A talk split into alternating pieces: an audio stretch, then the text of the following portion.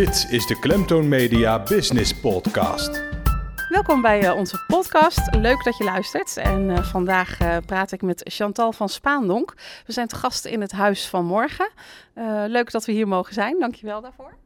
Ja, leuk om jullie hier te ontvangen. Dus ik ben erg benieuwd. Wat is jouw functie met betrekking tot het Huis van Morgen? Het Huis van Morgen is een onderdeel van het Care Innovation Center. Uh, en mijn functie daar is uh, directeur. En het Huis van Morgen is voor ons um, ja, echt een uh, middel om te communiceren met de burgers en de professionals. Ja. En daarnaast heb je eigenlijk nog een functie, want je bent ook verbonden aan het Startercentrum. Ja, klopt. Ik ben ook projectleider bij het Startercentra West-Brabant. En wat houdt dat in? Uh, daar ondersteunen we startende ondernemers met het opstarten van hun eigen uh, bedrijfje. Dat kan met huisvesting, met coaching, workshops, um, adviezen, uh, eventueel financiering, dat soort zaken. Ja, als wij het dan hebben over zichtbaarheid en vindbaarheid, dat is natuurlijk een van de speerpunten, paradepaardjes van Klemto Media. Ehm, wat adviseer jij dan bijvoorbeeld aan startende ondernemers op dat vlak? Nou ja, wij zeggen altijd, je kunt mooi op je zolderkamertje gaan zitten, maar als niemand weet uh, dat je bestaat, dan kunnen ze ook geen zaken met je doen.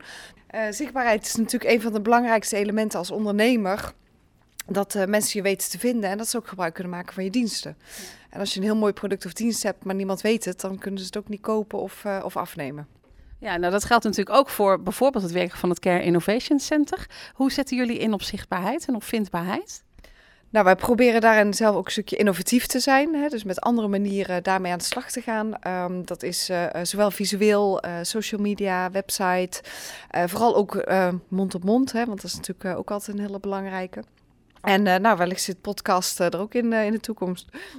Ja, een goede manier om je overal te laten zien en te laten horen. Ja. ja.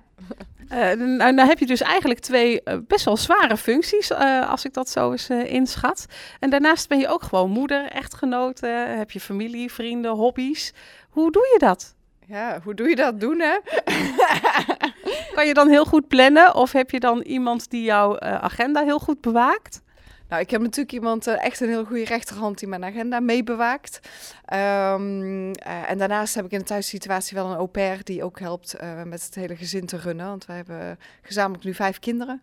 En nog een paar paarden en nog een aantal andere dieren. Dus wat dat betreft lekker druk.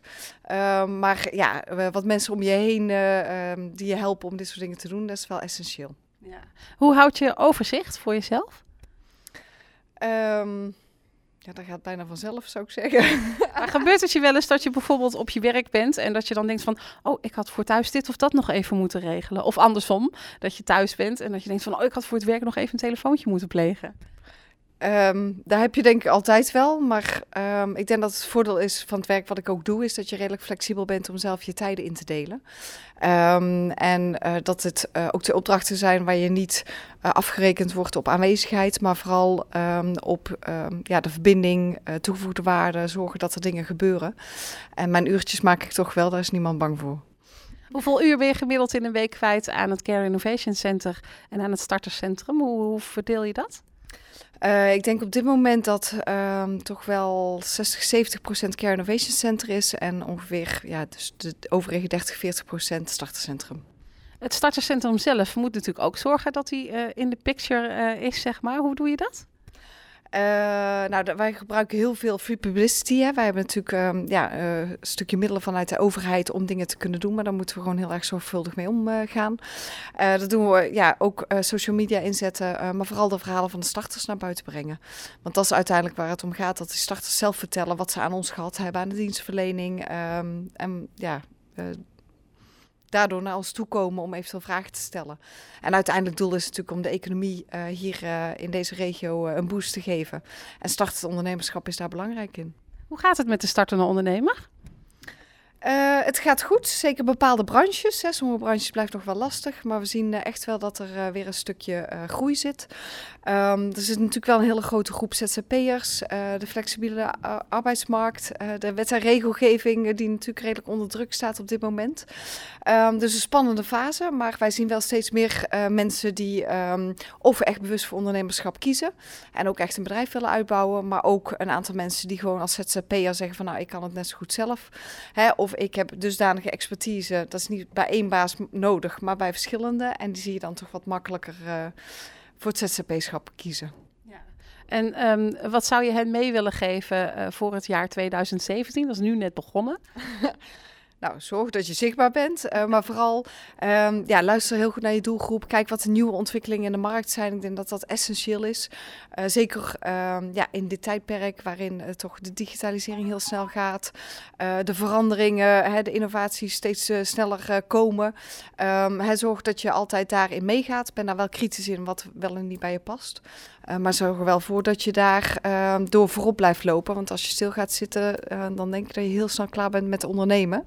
Dat geldt niet alleen voor de starters, maar ook voor gevestigde ondernemerschap. Ja. Um, wanneer ben je geen starter meer?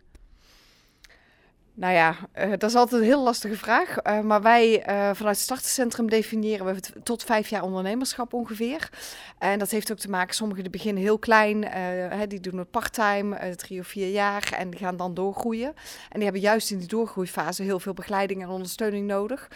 anderen die, um, ja, die beginnen gewoon hup meteen en die hebben de eerste twee jaar veel ondersteuning nodig en kennen daarna de klap van de zweep wel en groeien door. En we zien uh, ook dat um, bedrijven op een gegeven moment in verschillende fases komen. Hè? Dus uh, in het begin is het spannend om je eerst personeelslid aan te nemen. Maar op een gegeven moment ga je misschien een tweede of derde vestiging openen naar het buitenland. En dan krijg je ook weer andere vraagstukken. Um, beperk je je daarin vooral tot Roosendaal of uh, gaat het gebied verder dan dat?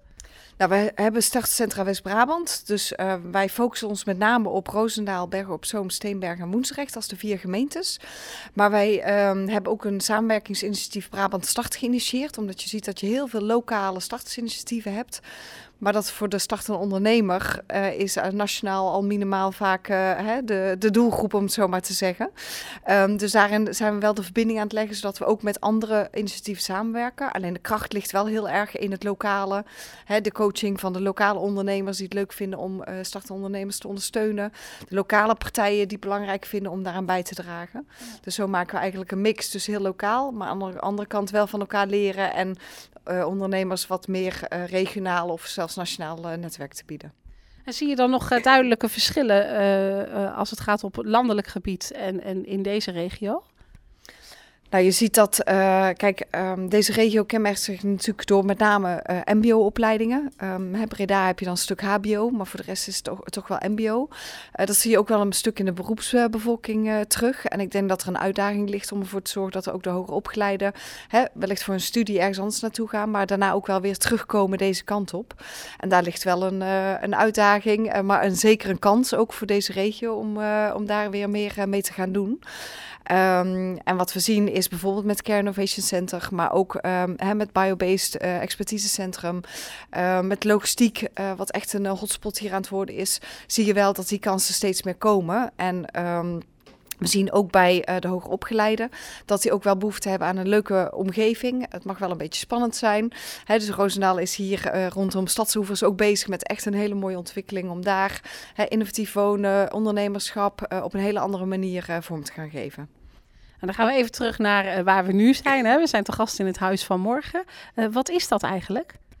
Het Huis van Morgen is eigenlijk een, um, ja, een omgeving waar je kennis kunt maken met nieuwe hulpmiddelen om langer zelfstandig thuis te wonen, um, eventueel om voor jezelf te zorgen.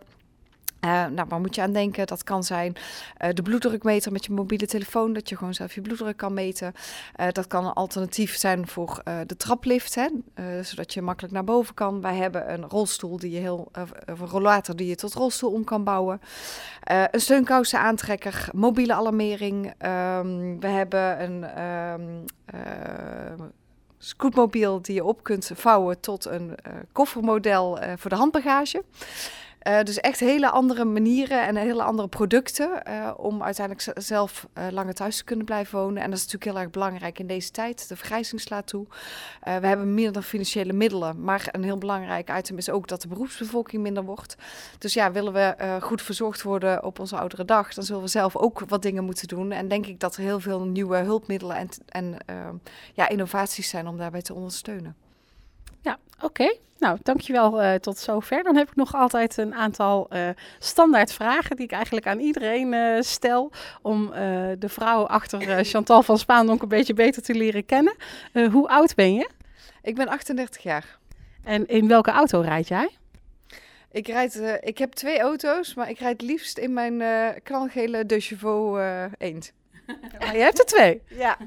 En die andere? De andere, dat is een, eh, een Dacia. Eh Logan, eh, zeven persoons. En dat heeft me vooral te maken dat wij eh, regelmatig met zeven man op stap gaan. Hè, de au pair met de kinderen en met ons. En ik heb de afgelopen paar jaar al twee auto's af kunnen schrijven. Dus ik heb gekozen voor een niet zo dure versie. Ehm, en mijn droom is uiteindelijk om echt een elektrische auto te gaan rijden. Dus ik hoop dat dat ergens de komende tijd wel gaat gebeuren. Maar nu heel praktisch. Ja. Oké, leuk. en welke muziek luister je op dit moment? Ja, ik ben iets meer van, eh, van de rock en eh, dat soort dingen. Dus Within Temptation, eh Ilse de Lange, Anouk. ehm, ja, ook wel wat vrouwen erin. Ehm, hè, maar de wat eh, ja, stevigere muziek, dat, ehm, dat mag ik wel. Hè. Bijvoorbeeld, ik ga met een vriend ook wel eens naar Ramstein en dat soort dingen. Dat zien mensen niet altijd in mij, maar dat is wel wat ik leuk vind. Ja, oh, leuk. Nou, daar hou ik eigenlijk ook wel van. Dus dat is wel, wel superleuk, ja. Stoere, stoere vrouwen. ja. En welk boek lees je op dit moment? Heb je daar überhaupt tijd voor? Nou, ik moet echt even nadenken welk boek. Ik heb toevallig net een boek gekregen eh, wat gaat over de apartheid in Zuid-Afrika. Wij gaan op vakantie naar Zuid-Afrika toe. Eh, dus daar ben ik eh, in aan het lezen. En ik ben een boek aan het lezen van de Singularity University. Over hoe dat opgezet is. En hoe is dat opgezet? Dat hoop ik in mijn vakantie te kunnen gaan lezen. dat is wel, wel boeiend, lijkt me. Ja, een, eh, echt een hele, ja, dat is natuurlijk ook echt een hele andere manier eh, van, eh, ja, van, van ondernemen, van met onderwijs omgaan, dat soort dingen. Dus dat betekent eigenlijk wel dat je in je vakantie ook nog wel bezig bent met inspiratie opdoen. Absoluut, ja. Dan hebben we er eindelijk tijd voor. Staat het wel eens uit? nee, Dus nee, het staat nooit uit. Nee, bij mij ook niet. Wat is je favoriete vakantieland? Ehm, ja, dan toch Zuid-Afrika. Ben je er al eerder geweest? Ja, ik ben daar geboren, tot mijn zevende daar gewoond. Eh, ik heb daar veel familie wonen, dus dat speelt ook mee. Het is een geweldig mooi land eh, qua ehm, natuur, eh, weer. Alleen ja, de politiek is natuurlijk wel een issue daar. Ja, dat is wel even een heel ander verhaal inderdaad. En wat is je favoriete serie of favoriete film? Of allebei mag ook. Nou, ik heb niet zo heel veel tijd om tv te kijken, maar eh, ehm, ja, ik vind de, de, CSI, dat soort dingen, vind ik toch wel leuk om er daar af en toe naar te kijken. Eh, ook te zien hoe ze daar met eh, nieuwe dingen bezig zijn. En als je het over... Innovation, hè? Ja, ja. En als je het over film hebt, de bucket list. Oh, dat is wel een hele mooie, ja. ja. Is dat de laatste ook die je gezien hebt of niet? Nee, althans, ik zou het eigenlijk niet weten. maar nee, ik heb vast nog andere films gezien, maar dat is er wel één die echt bijgebleven is. Heb je die in de bioscoop gezien of thuis? Thuis. Ja, ja. Is er nog iets wat je kwijt wil eh, aan de luisteraars van deze podcast? Ehm, nou, ik vond het heel erg leuk om te doen. En eh, ik zou zeker eh, anderen willen adviseren om eens te kijken naar de nieuwe mogelijkheden van, eh van podcast. Eh, voor mij was het helemaal nieuw. eh, en ik hoop dat we hier eens mee kunnen experimenteren, zoals ze in Amerika dat nu ook opgezet hebben. Oké, leuk. Nou, dankjewel. Alsjeblieft. Tot zover de Klemtoon Media Business Podcast. Wil jij ook te gast zijn in een van onze podcasts? Neem dan contact op via klemtoonmedia.nl.